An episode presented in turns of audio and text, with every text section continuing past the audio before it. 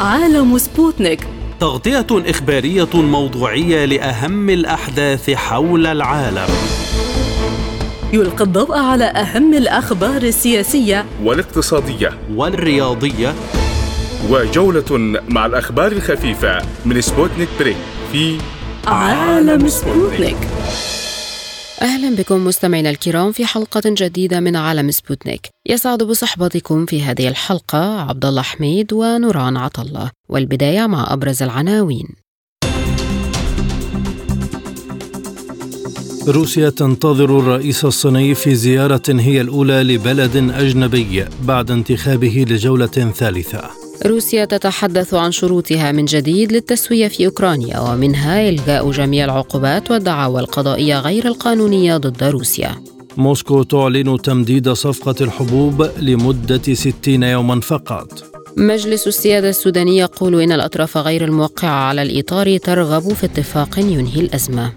وفي الملف الاقتصادي موانئ أبو ظبي تبرم اتفاقية امتياز مدتها ثلاثون عاما لتشغيل ميناء سفاجة المصري.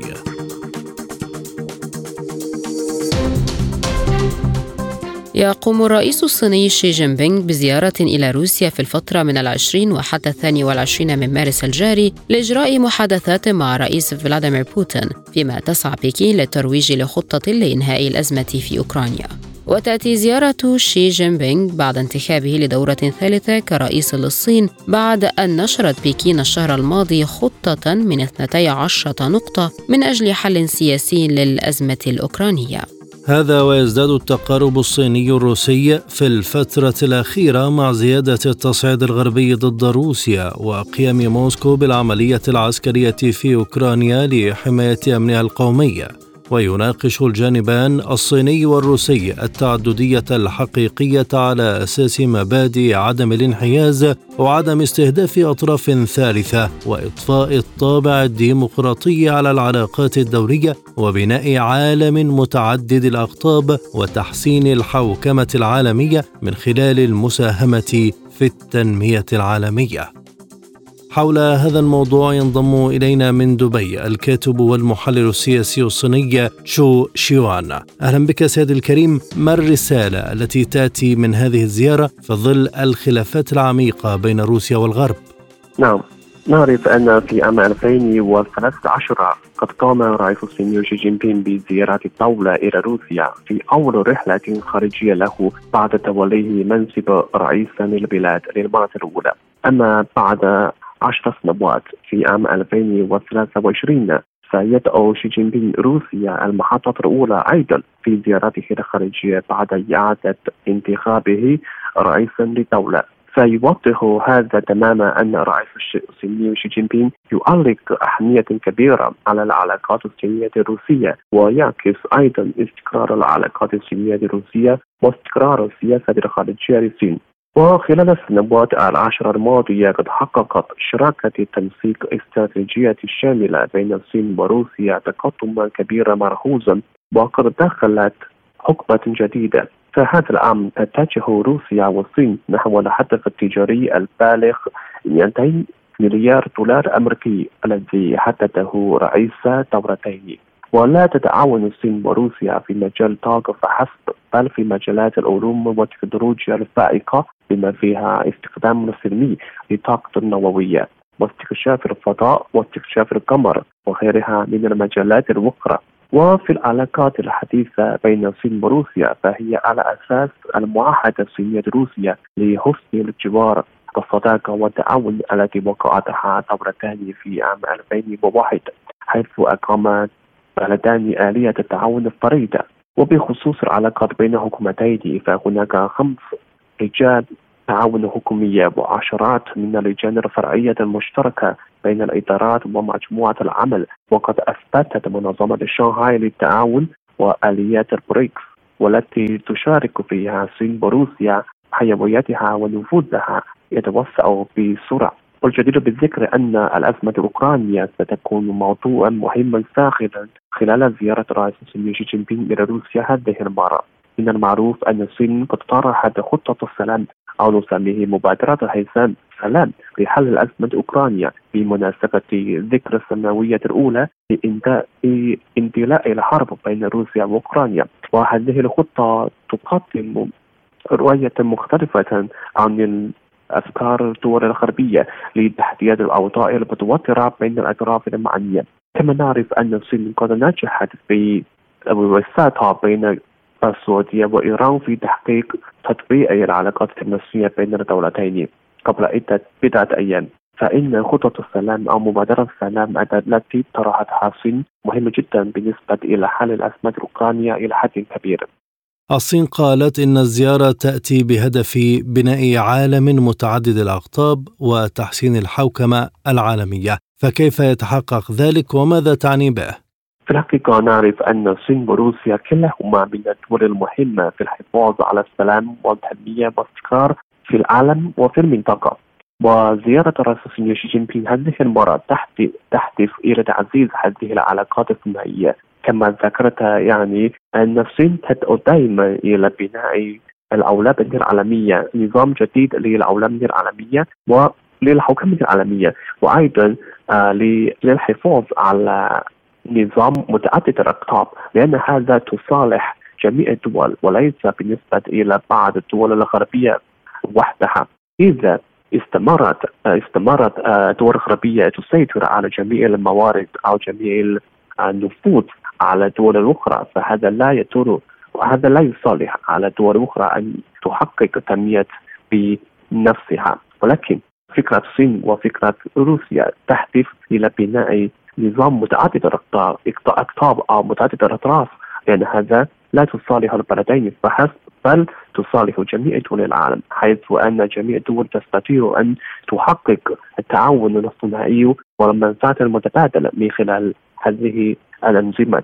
وقد أصبحت العلاقات الصينية الروسية نموذجا للعلاقات الجديدة بين الدول لبناء مجتمع مصير مشترك للبشرية ففي ظل الوضع الدولي المعقد اليوم ستضخ زيارة الرئيس الصيني شي جين بين بالتأكيد دفعة قوية لتنمية روسيا علاقات جديدة حيث تساهم البلدين وأيضا للحفاظ على السلام والاستقرار والتنمية.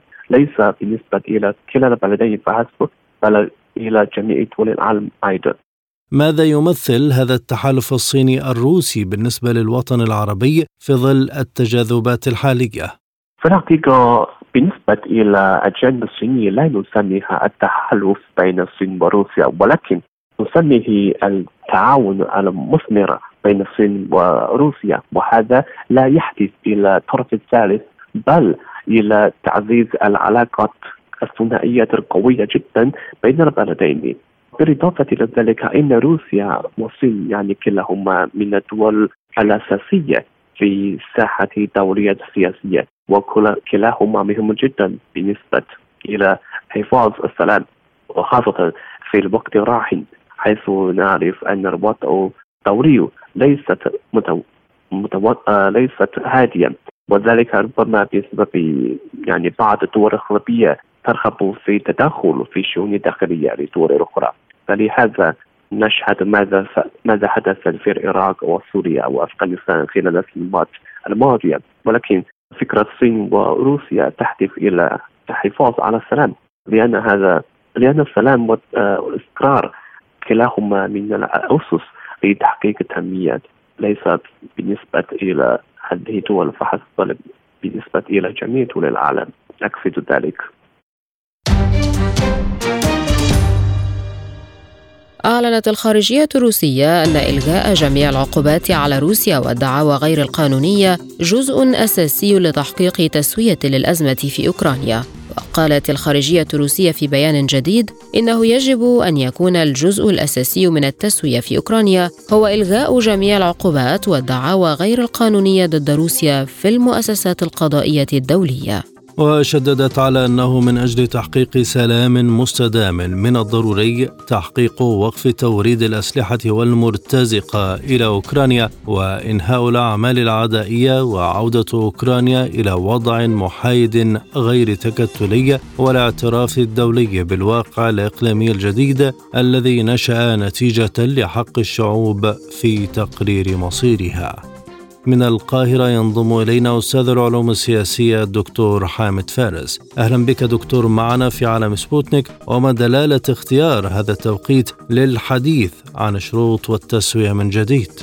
طبعا يعني أظن أن الموقف يزداد تعقيدا يوم بعد يوم وفي ظل إن الأوضاع في أوروبا ازدادت بشكل كبير وزادت حدة الاحتجاجات بشكل كبير وتأثرت الأوضاع الاقتصادية وأيضا على مستوى الاقتصاد الأمريكي الذي أصبح في مرمى النيران الاقتصادية القوية التي أثرت على حياة المواطن الأمريكي وفي ظني وتقديري أن روسيا أظهرت أنها قادرة على لعب دور مؤثر في النظام السياسي والاقتصادي العالمي وبالتالي أظن أن الحديث عن تسوية سياسية الآن يأتي بعدما أظهرت روسيا أيضا تقدما مهما جدا في الداخل الأوكراني وقرب السيطرة على مدينة بخموت الاستراتيجية التي تتيح لروسيا التقدم نحو قلب أوكرانيا والسيطرة على كييف وهذا يمثل تهديد خطير للأمن القومي الأوروبي. وبالتالي أرى أن الإدارة الأمريكية والغرب يسعيان بكل قوة في إطار السعي إلى إيجاد تسوية سياسية حقيقية لهذه الأزمة التي من الممكن جدا أن تنجرف إلى حرب عالمية ثالثة لا تريد الإدارة الأمريكية أن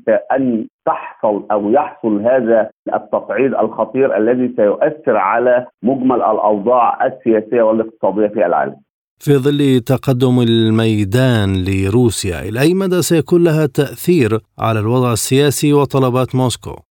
أظن أن روسيا تتحدث الآن من موقف القوة خاصة بعد النتائج الإيجابية جدا على واقع الأرض سواء ميدانيا أو عسكريا وأظهرت المساعدات الغربية التي تقدم من قبل الغرب والإدارة الأمريكية إلى أوكرانيا أنها لن تؤتي لن تأتي بجديد داخل الأرض الأوكرانية. وظهر بشكل كبير أن روسيا ستحقق الانتصار إن اجلا أو عاجلا في ظل التقدم الملموس للقوات الروسية في الشرق الأوكراني وبالأخص في مدينة بخموت الاستراتيجية خاصة أن السيطرة على مدينة بخموت يؤدي إلى السيطرة على مدن رئيسية كبيرة في الشرق الأوكراني وبالتالي هذا النجاح الكبير التي حققته القوات الروسية في الفترة الأخيرة سيمثل عامل ضغط حقيقي على القوى الغربية والإدارة الأمريكية وسيعطي قوة حقيقية للجانب الروسي لكي يفرض شروطه التي لابد أن تتحقق ومن أهم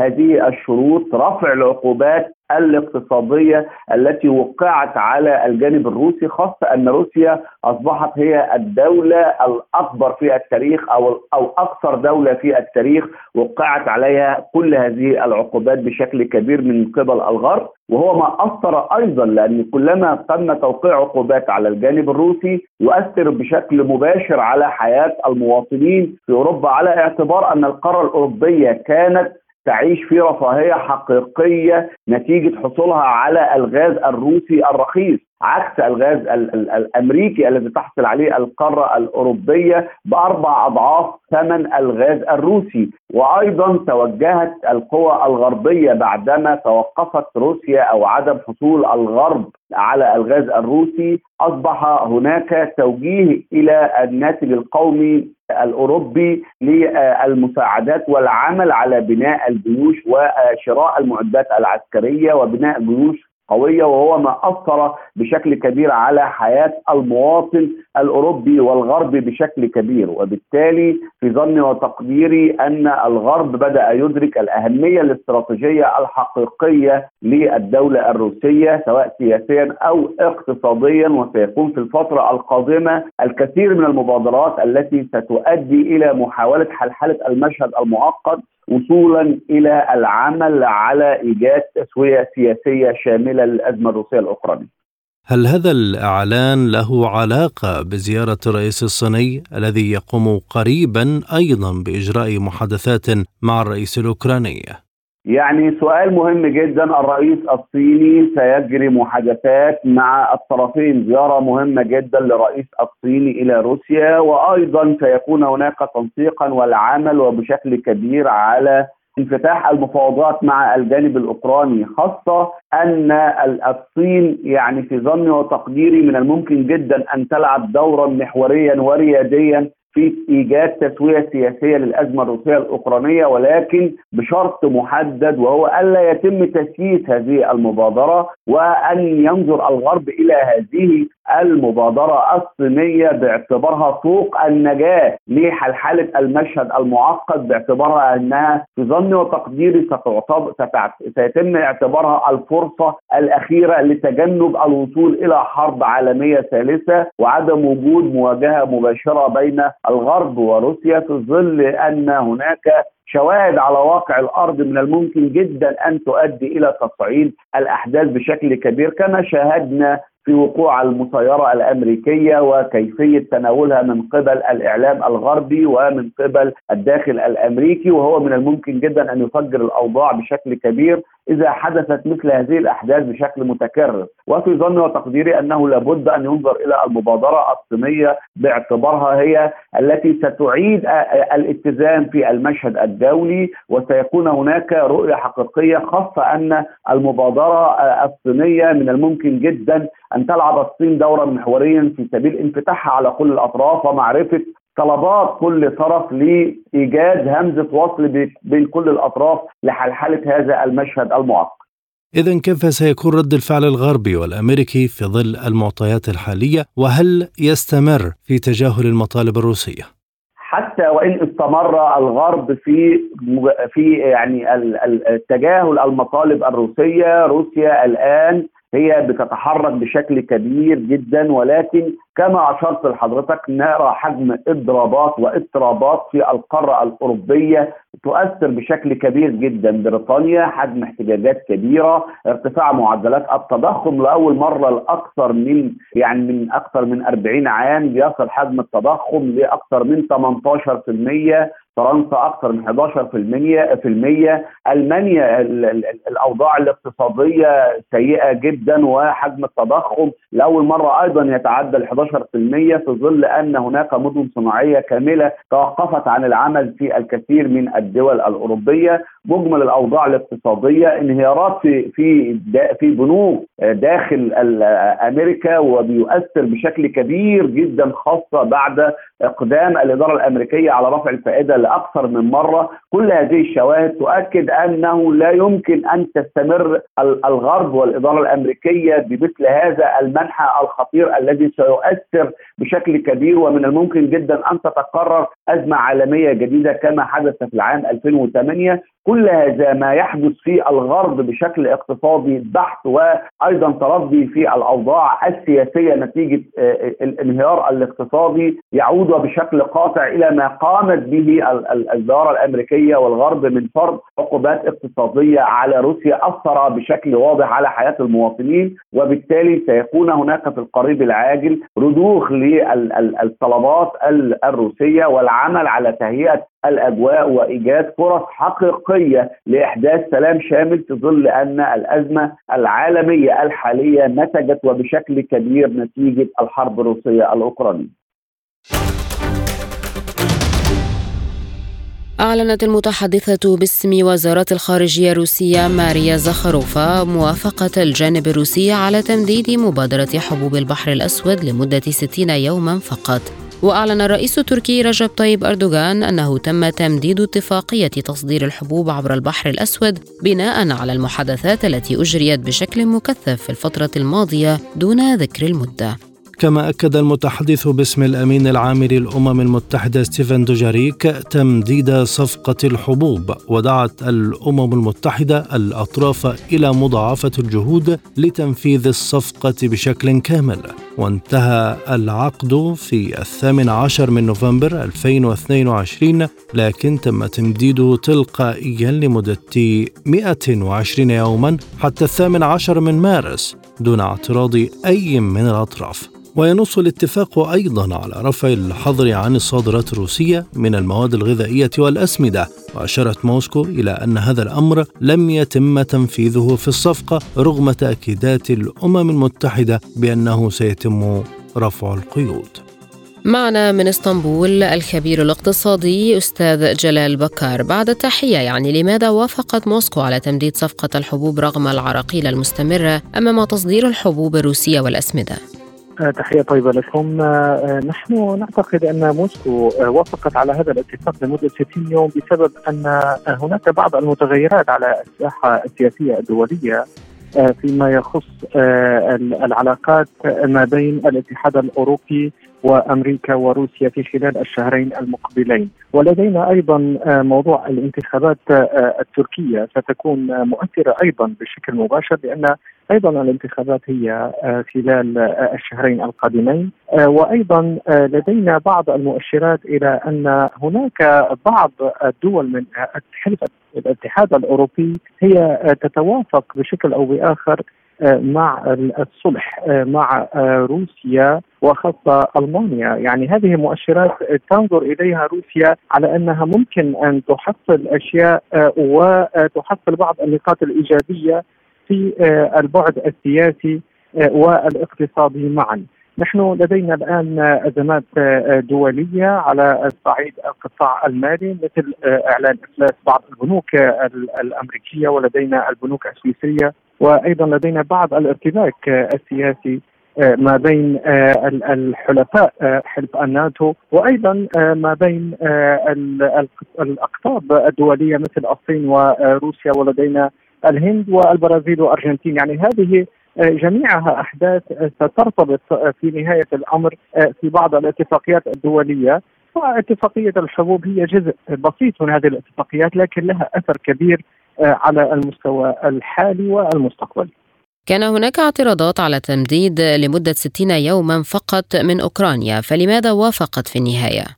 وافقت هي تريد أن تعطي إشارة إيجابية للمجتمع الدولي إلى أن هناك بعض التعاون من روسيا فيما يخص السلع الاستراتيجية التي سوف تخص آه، الشعوب الأخرى يعني هي مؤشر إيجابي وحسن بذرة حسن نية من آه، روسيا باتجاه آه، الدول الأخرى أو باتجاه المجتمع الدولي هل أصبحت الصفقة مهددة وربما يكون هذا آخر تمديد وآخر فرصة تمنحها روسيا للأطراف الأخرى؟ الصفقة هي ليست مهددة وليست آمنة وإنما هي في المنتصف وهذه آه، يعني هي آه، تتمثل بتطور الأحداث ما بين روسيا ودول المنطقة وخاصة دول أطراف آه، الاتفاق ما بين أوكرانيا وروسيا وتركيا وأيضا الأمم المتحدة.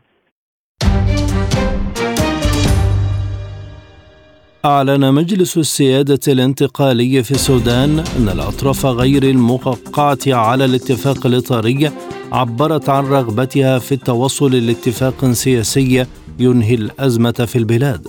جاء ذلك في أعقاب اجتماع عقده نائب رئيس مجلس السيادة محمد حمدان دقلو حميدتي مع الأطراف غير الموقعة على الاتفاق بحسب بيان لمجلس السيادة وقال البيان إن الأطراف غير الموقعة على الاتفاق الإطاري أكدت رغبتها في التوصل لاتفاق سياسي ينهي الأزمة في البلاد وطالبت هذه الأطراف نائب رئيس مجلس السيادة بمواصلة جهوده لتقريب وجهات النظر وجمع الأطراف بهدف التوصل لتوافق بشأن الترتيبات الضرورية لاستكمال العملية السياسية. وكان قادة الجيش السوداني وقوى سياسية مدنية بقيادة قوى إعلان الحرية والتغيير وقعوا برعاية الآلية الثلاثية في الخامس من ديسمبر كانون الأول الماضي اتفاقا إطاريا لبدء مرحلة انتقالية تستمر عامين تنتهي بنقل السلطة للمدنيين من الخرطوم معنا أستاذ عبد الوهاب موسى المحلل السياسي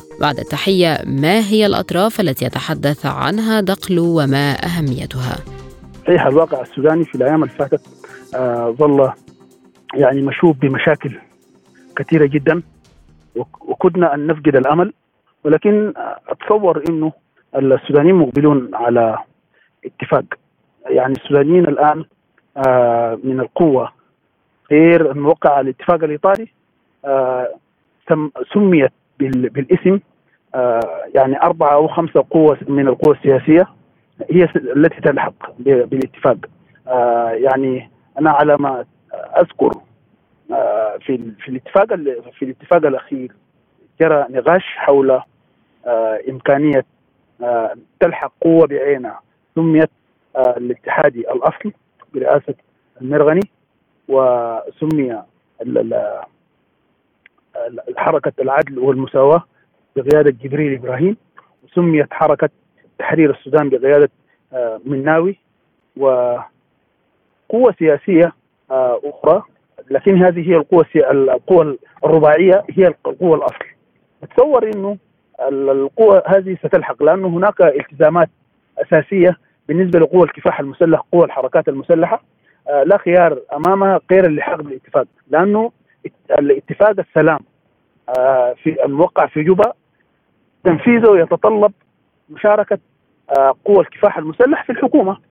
وإذا قررت هذه الحركات الذهاب بعيدا عن الحكومة وانتهاج نهج المعارضة آه، فبالتالي آه، يعني لا تستطيع أن تقول أن يعني ترى بأم عينها ما يتم تحقيقه من من الاتفاق وتنفيذه.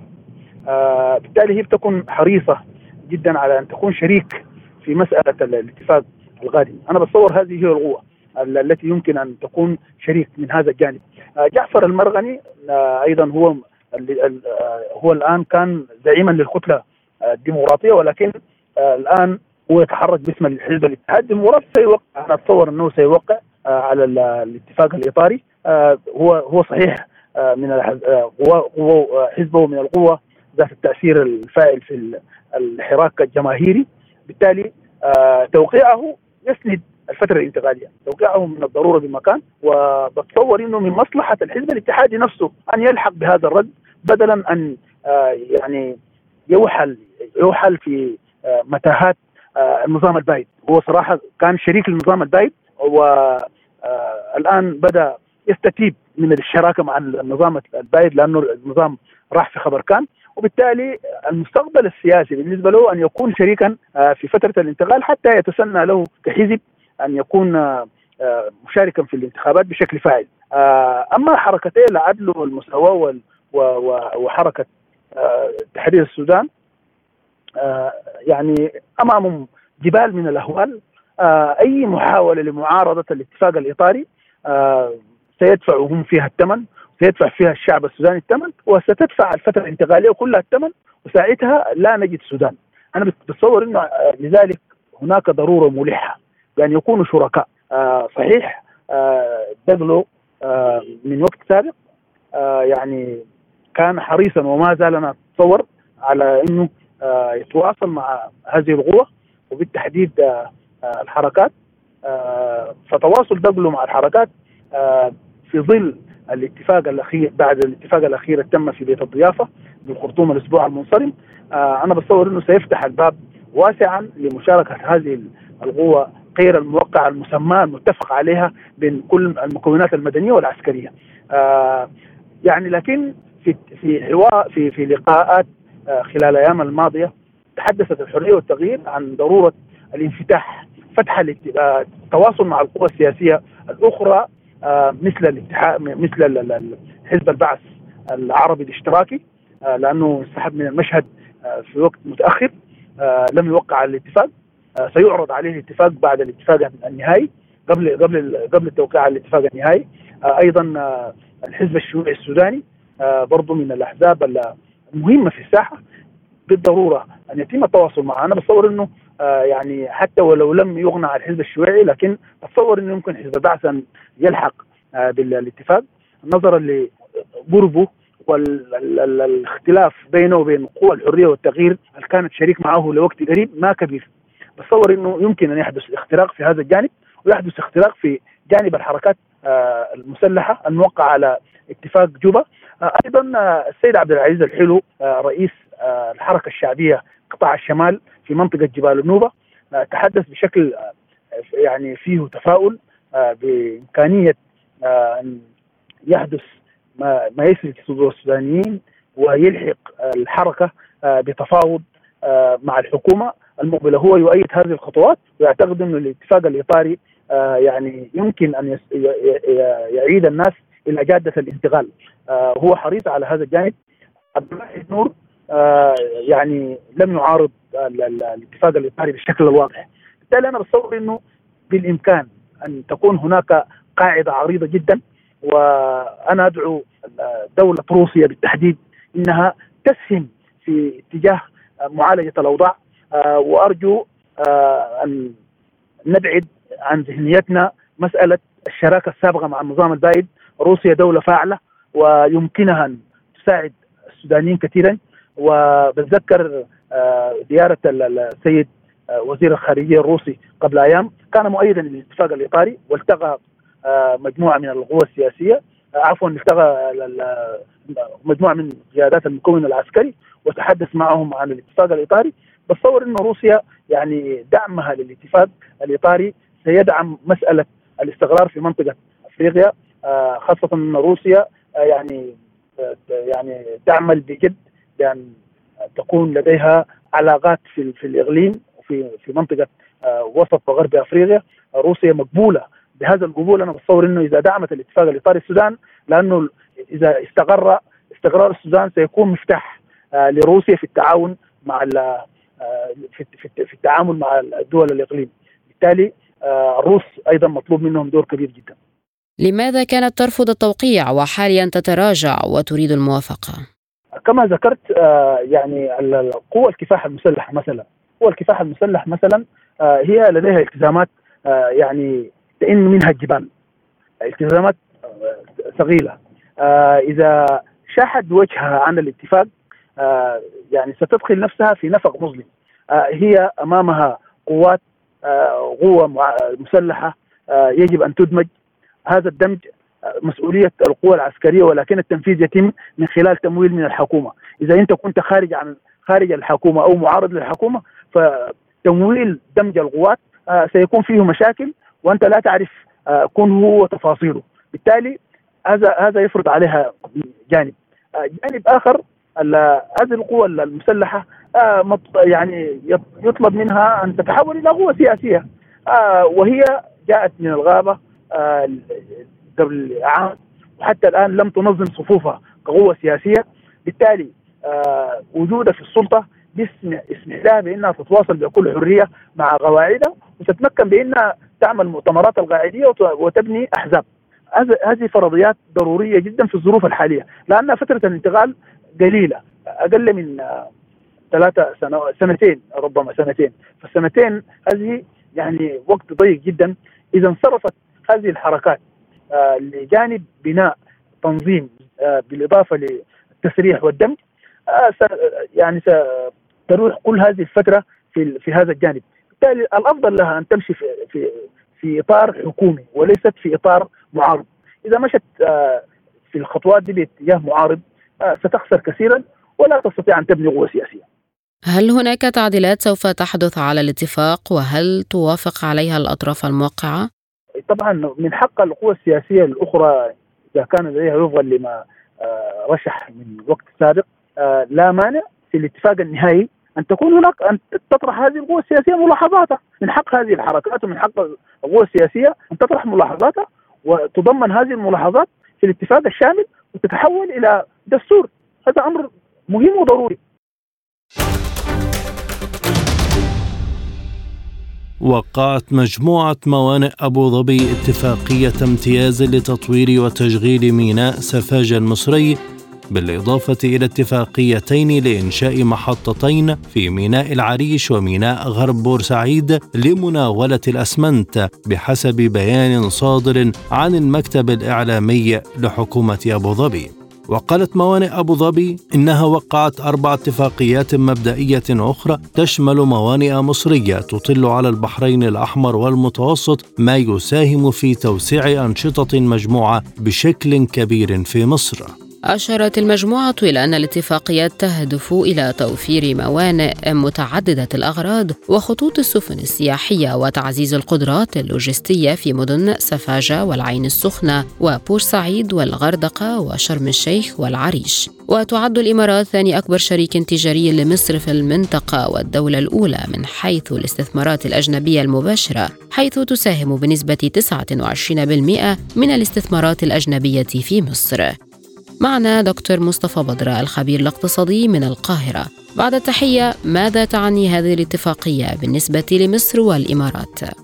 بكل تأكيد طبعا نظرا للتغيرات الاقتصادية في مصر والسعي دايما لزيادة الاستثمارات. مواني أبو ظبي بتبرم اتفاقية لتطوير طبعا وتشغيل ميناء سفاجة طبعا لمدة زمنية حوالي 30 سنة. مجموعة موانئ أبو ظبي بت يعني بتزيد استثماراتها داخل مصر وطبعا نعلم جيدا إن من يعني منذ فترات بعيدة ومواني أبو ظبي ومواني دبي بتكون لها استثمارات مثل بعض من التشغيل السخنة وبعض من زيادة الحاويات والتداول للعديد من الأغراض سواء المطلة على البحر الأحمر أو البحر المتوسط. هذا الأمر طبعا يعني متعارف عليه منذ فترة بزيادة الاستثمارات ما بين مصر والإمارات.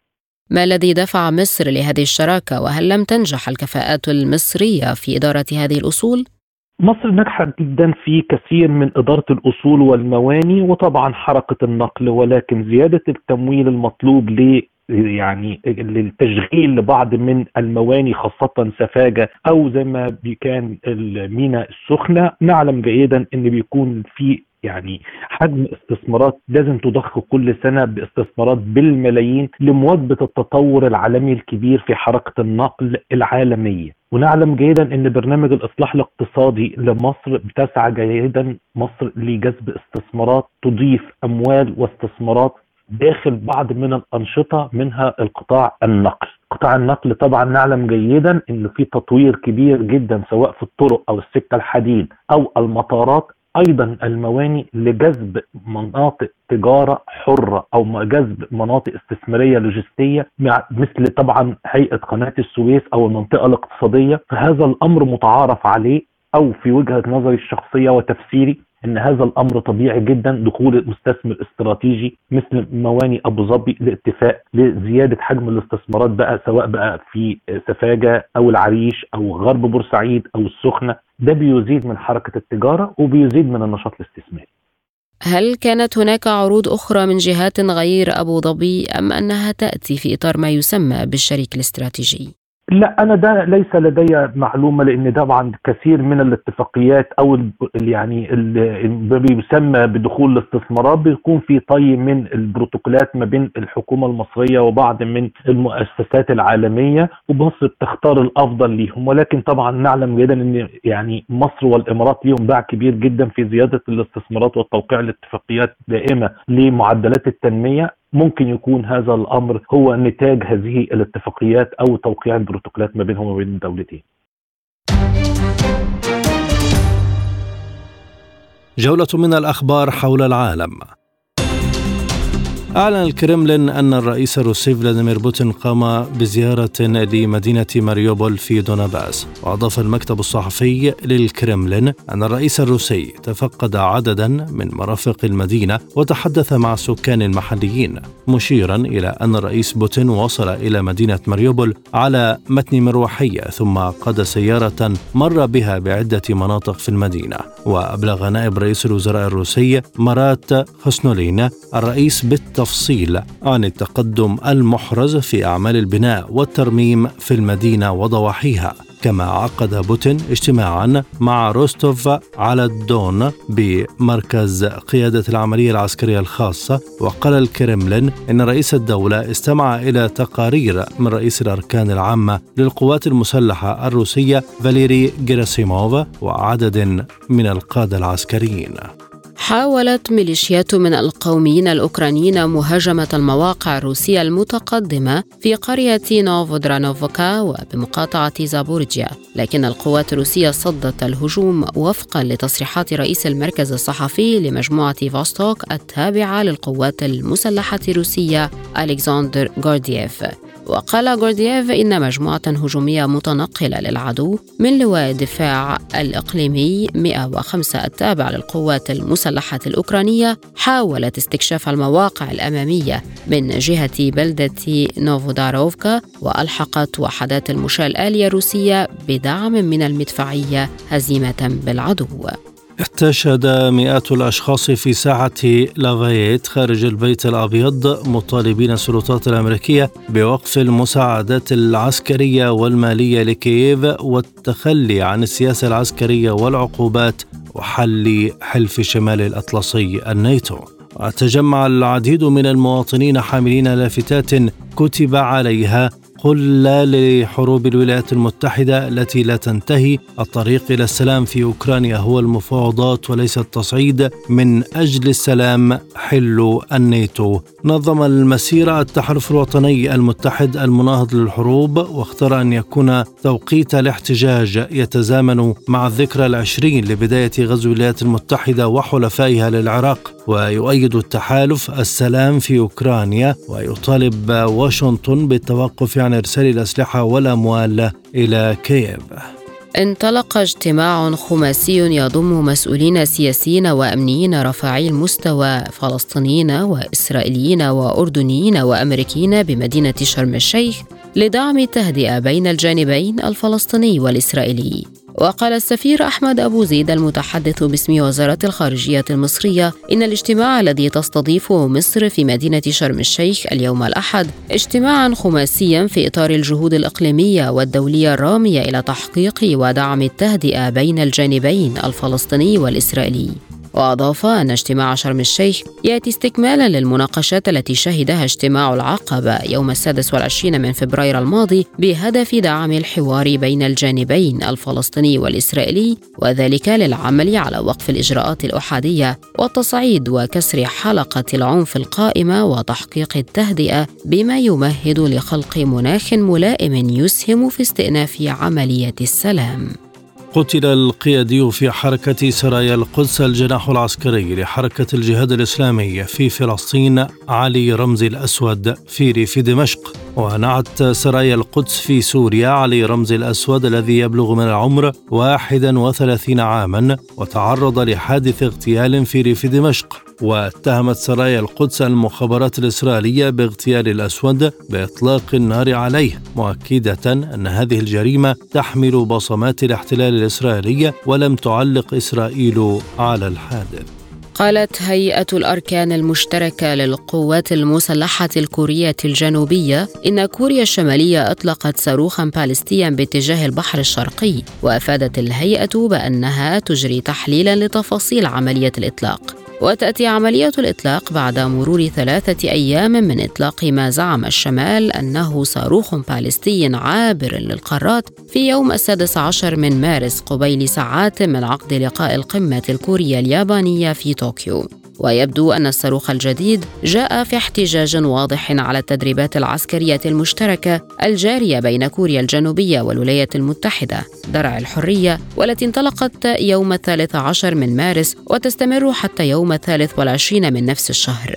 من جهته قال نائب وزير الدفاع الياباني إن اليابان احتجت عبر القنوات الدبلوماسية مع كوريا الشمالية على أحدث تجربة صاروخية تشكل تهديدا لأمن المنطقة وشدد على أن التجارب الصاروخية المستمرة لكوريا الشمالية تشكل تهديدا أمنيا لبلدنا والمنطقة والمجتمع الدولي بأسره وهي غير مقبولة على الإطلاق. لقد احتججنا على كوريا الشمالية عبر القنوات الدبلوماسية من خلال السفارة في بكين.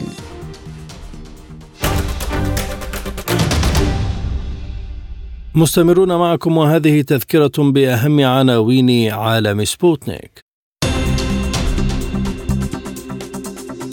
روسيا تنتظر الرئيس الصيني في زيارة هي الأولى لبلد أجنبي بعد انتخابه لجولة ثالثة.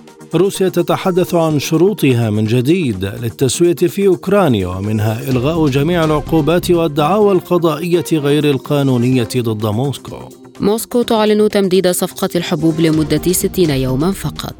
مجلس السيادة السوداني يقول إن الأطراف غير الموقعة على الإطار ترغب في اتفاق ينهي الأزمة. واقتصاديا موانئ أبو ظبي تبرم اتفاقية امتياز مدتها 30 عاما لتشغيل ميناء سفاجة المصري.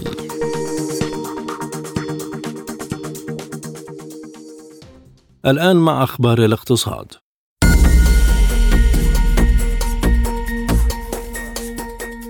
ارتفعت واردات الصين بأكبر زيادة لها في عام خلال الشهر الماضي فيما تباطأت وتيرة انخفاض الصادرات. الأمر الذي يعزز الأدلة على أن ثاني أكبر اقتصاد في العالم يتعافى من تأثير عمليات الإغلاق بسبب الوباء. وأظهرت الأرقام الصادرة عن الإدارة العامة للجمارك أن الواردات ارتفعت ب 4.2% مقارنة مع وضعها قبل عام لتصل إلى 197 مليار دولار في فبراير الماضي بعد تراجع ب 21.4% خلال يناير الماضي لتمحو أربعة أشهر من الانخفاض. وهبطت الصادرات بواحد فاصل ثلاثة في المئة على أساس سنوي في فبراير إلى 214 مليار دولار متباطئة على الانخفاض بعشرة ونصف المئة المسجل في الشهر السابق. مع زيادة الواردات تقلص الفائض التجاري إلى 16.8 مليار دولار وهو الأدنى منذ مارس 2021 وفقا لبيانات إدارة الجمارك.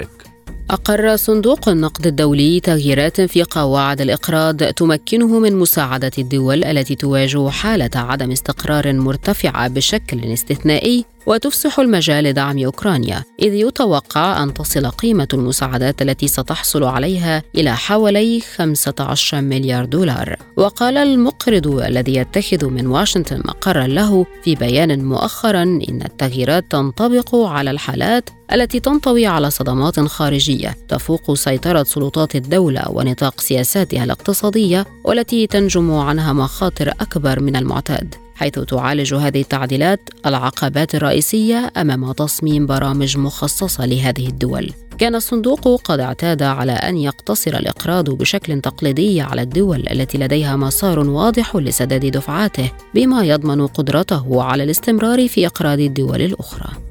وافق صندوق الأوبك للتنمية الدولية على تخصيص حزمة تمويلات جديدة بأكثر من 300 مليون دولار للربع الأول من العام الجاري 2023 وقال الصندوق ومقره العاصمة النمساوية فيينا إن التمويل الجديد يعكس التزام الصندوق بتنفيذ خطته للعمل المناخي وتعزيز المرونة في مواجهة تغير المناخ.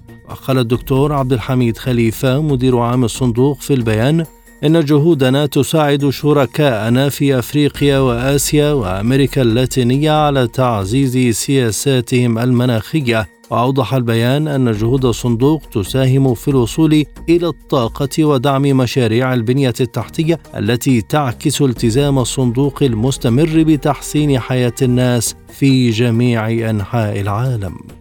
نقلت بلومبرج عن مصادر مطلعة أن شركة فيرست سيتيزنز بانكشرز تعكف على تقييم عرض للاستحواذ على بنك سيليكون فالي. وقال التقرير إن مؤسسة أخرى على الأقل تدرس الاستحواذ على البنك المنهار. ذكرت رويترز في وقت سابق من الأسبوع الجاري أن المؤسسة الاتحادية لتأمين الودائع طلبت من البنوك المهتمة بالاستحواذ على بنكي سيليكون فالي وسيجنتشر بتقديم عروض بحلول السابع عشر من مارس آذار وتأتي العطاءات في أعقاب سيطرة المؤسسة على سيليكون فالي في العاشر من مارس آذار وعلى سيجنتشر يوم الأحد الماضي إذ تسبب انهيار البنكين متوسطي الحجم بالولايات المتحدة في إثارة قلق الأسواق المالية العالمية وذلك بسبب مخاوف من تسرب تداعيات الأزمة. وستكون هذه ثاني محاولة من المؤسسة لبيع سيليكون فالي بعد محاولة لم تنجح قبل. أصدر النائب العام القطري قرارا بإحالة وزير المالية السابق علي شريف العمادي وآخرين إلى محكمة الجنايات بتهمة تتعلق بالفساد. ويواجه العمادي وعدد آخر من المتهمين اتهامات بالرشوة والاستيلاء على المال العام واستغلال الوظيفة وإساءة استعمال السلطة والإضرار بالمال العام وغسل الأموال. وجاء في بيان النيابة أن أدلة الإثبات المستخلصة من أوراق القضية توفرت على ارتكاب المتهمين للجرائم المسندة إليهم فقد أصدر النائب العام الأمر بإحالة المتهمين إلى محكمة الجنايات لمعاقبتهم على الجرائم المسندة إليهم. ولم تتوفر معلومات حول دفاع العمادي عن نفسه وكان العمادي عين وزيرا للمالية في يونيو 2013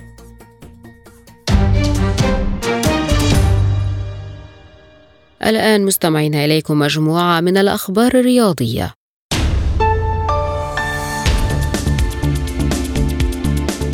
حقق أتلتيكو مدريد انتصاره الثالث على التوالي في الدوري الإسباني لكرة القدم خلال انتصار سهل 3-0 على فالنسيا بفضل أهداف أنطوان غريزمان ويانيك كاراسكو وتوماس ليمار لتمتد سلسلته الخالية من الهزائم في عشر مباريات بالمسابقة. ورفع أتلتيكو رصيده إلى 51 نقطة محكما أو محكما قبضته على المركز الثالث بفارق ست نقاط على ريال سويسيداد خامس الترتيب بينما تفصيله خمس نقاط عن ريال مدريد صاحب المركز الثاني الذي يواجه غريمه المتصدر برشلونة في قمة الليغا الإسبانية.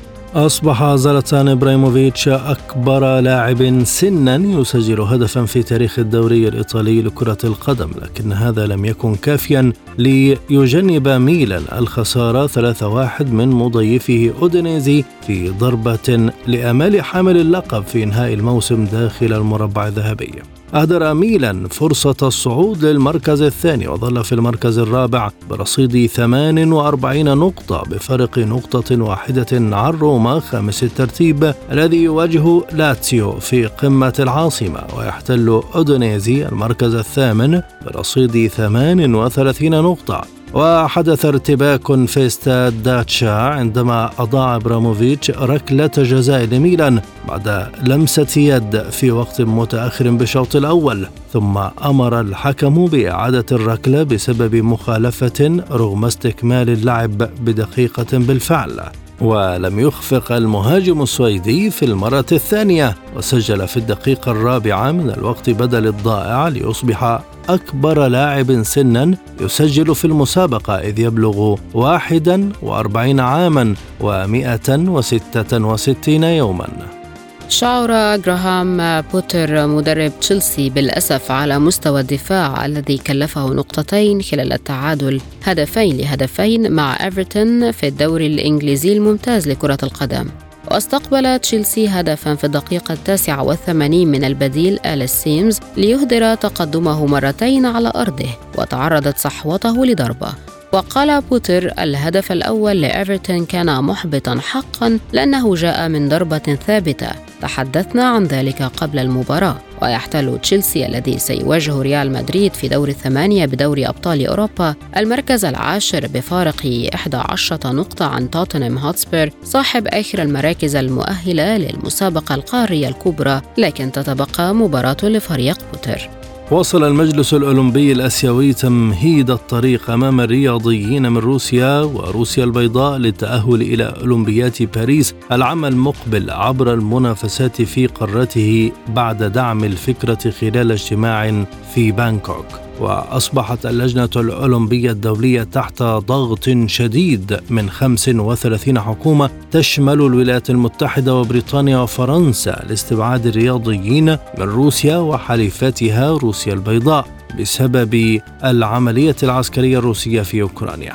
وقالت اللجنة الدولية في يناير كانون الثاني إنها منفتحة على مشاركة الرياضيين من البلدين في الألعاب الأولمبية كمحايدين.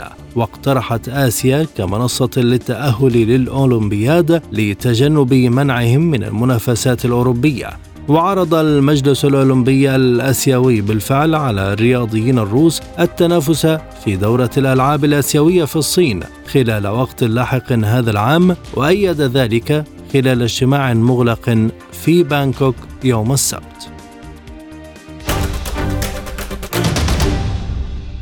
الآن مستمعين إليكم مجموعة من الأخبار الخفيفة وسبوتنيك break.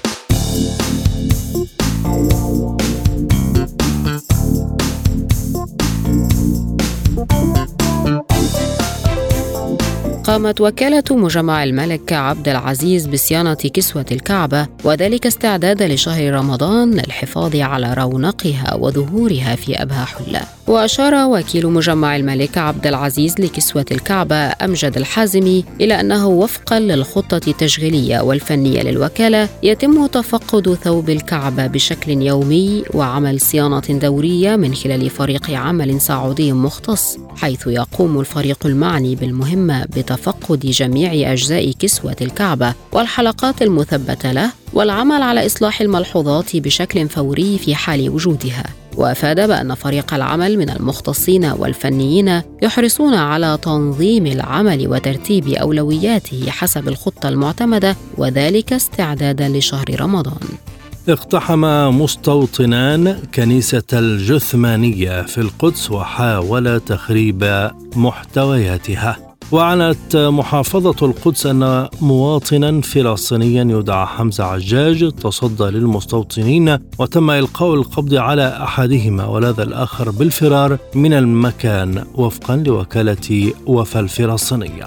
من ناحيتها أدانت وزارة الخارجية الفلسطينية الحادث وقالت في بيان لها إن تكرار ومواصلة هذه الاعتداءات يعتبر جريمة تندرج في إطار الاستهداف الإسرائيلي الرسمي للقدس ومقدساتها المسيحية والإسلامية وفي إطار عمليات تهويدها ومحاولة فرض السيادة الإسرائيلية عليها وفصلها تماما عن محيطها الفلسطيني واستهدافا لهويتها الحضارية. يذكر أن هذا هو الاعتداء الخامس الذي تتعرض له أماكن عبادة مسيحية في القدس من قبل متطرفين يهود منذ بداية العام الحالي.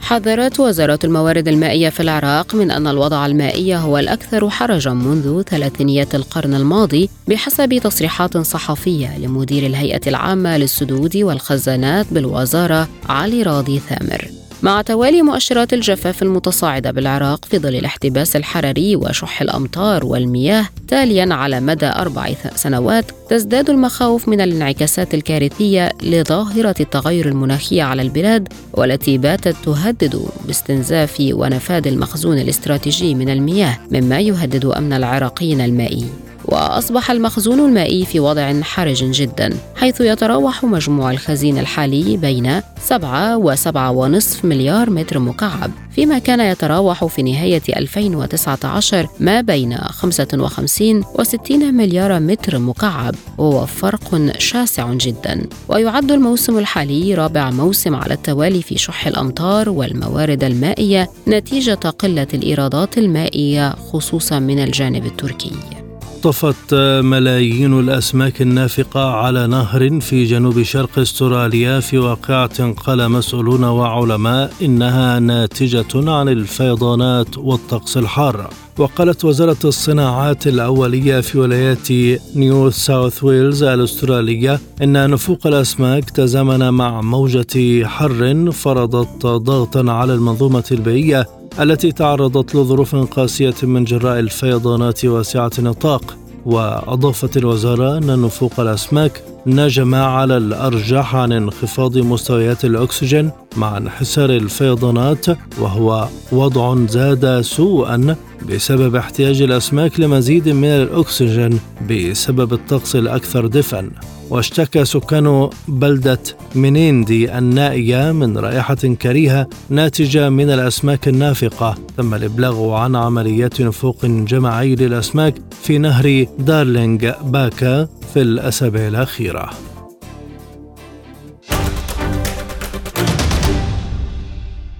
في الختام إليكم تذكرة بأهم ما جاء في عالم سبوتنيك. روسيا تنتظر الرئيس الصيني في زيارة هي الأولى لبلد أجنبي بعد انتخابه لجولة ثالثة. روسيا تتحدث عن شروطها من جديد للتسوية في أوكرانيا ومنها إلغاء جميع العقوبات والدعاوى القضائية غير القانونية ضدها. موسكو تعلن تمديد صفقة الحبوب لمدة 60 يوما فقط. مجلس السيادة السوداني يقول إن الأطراف غير الموقعة على الإطار ترغب في اتفاق ينهي الأزمة. اقتصاديا موانئ أبو ظبي تبرم اتفاقية امتياز مدتها 30 عاما لتشغيل ميناء سفاج المصري. ورياضيا أتلتيكو مدريد يحقق انتصاره الثالث على التوالي في الدوري الإسباني لكرة القدم خلال انتصار سهل بثلاثية نظيفة على فالنسيا. للمزيد زوروا موقعنا سبوتنيك دوت اي اي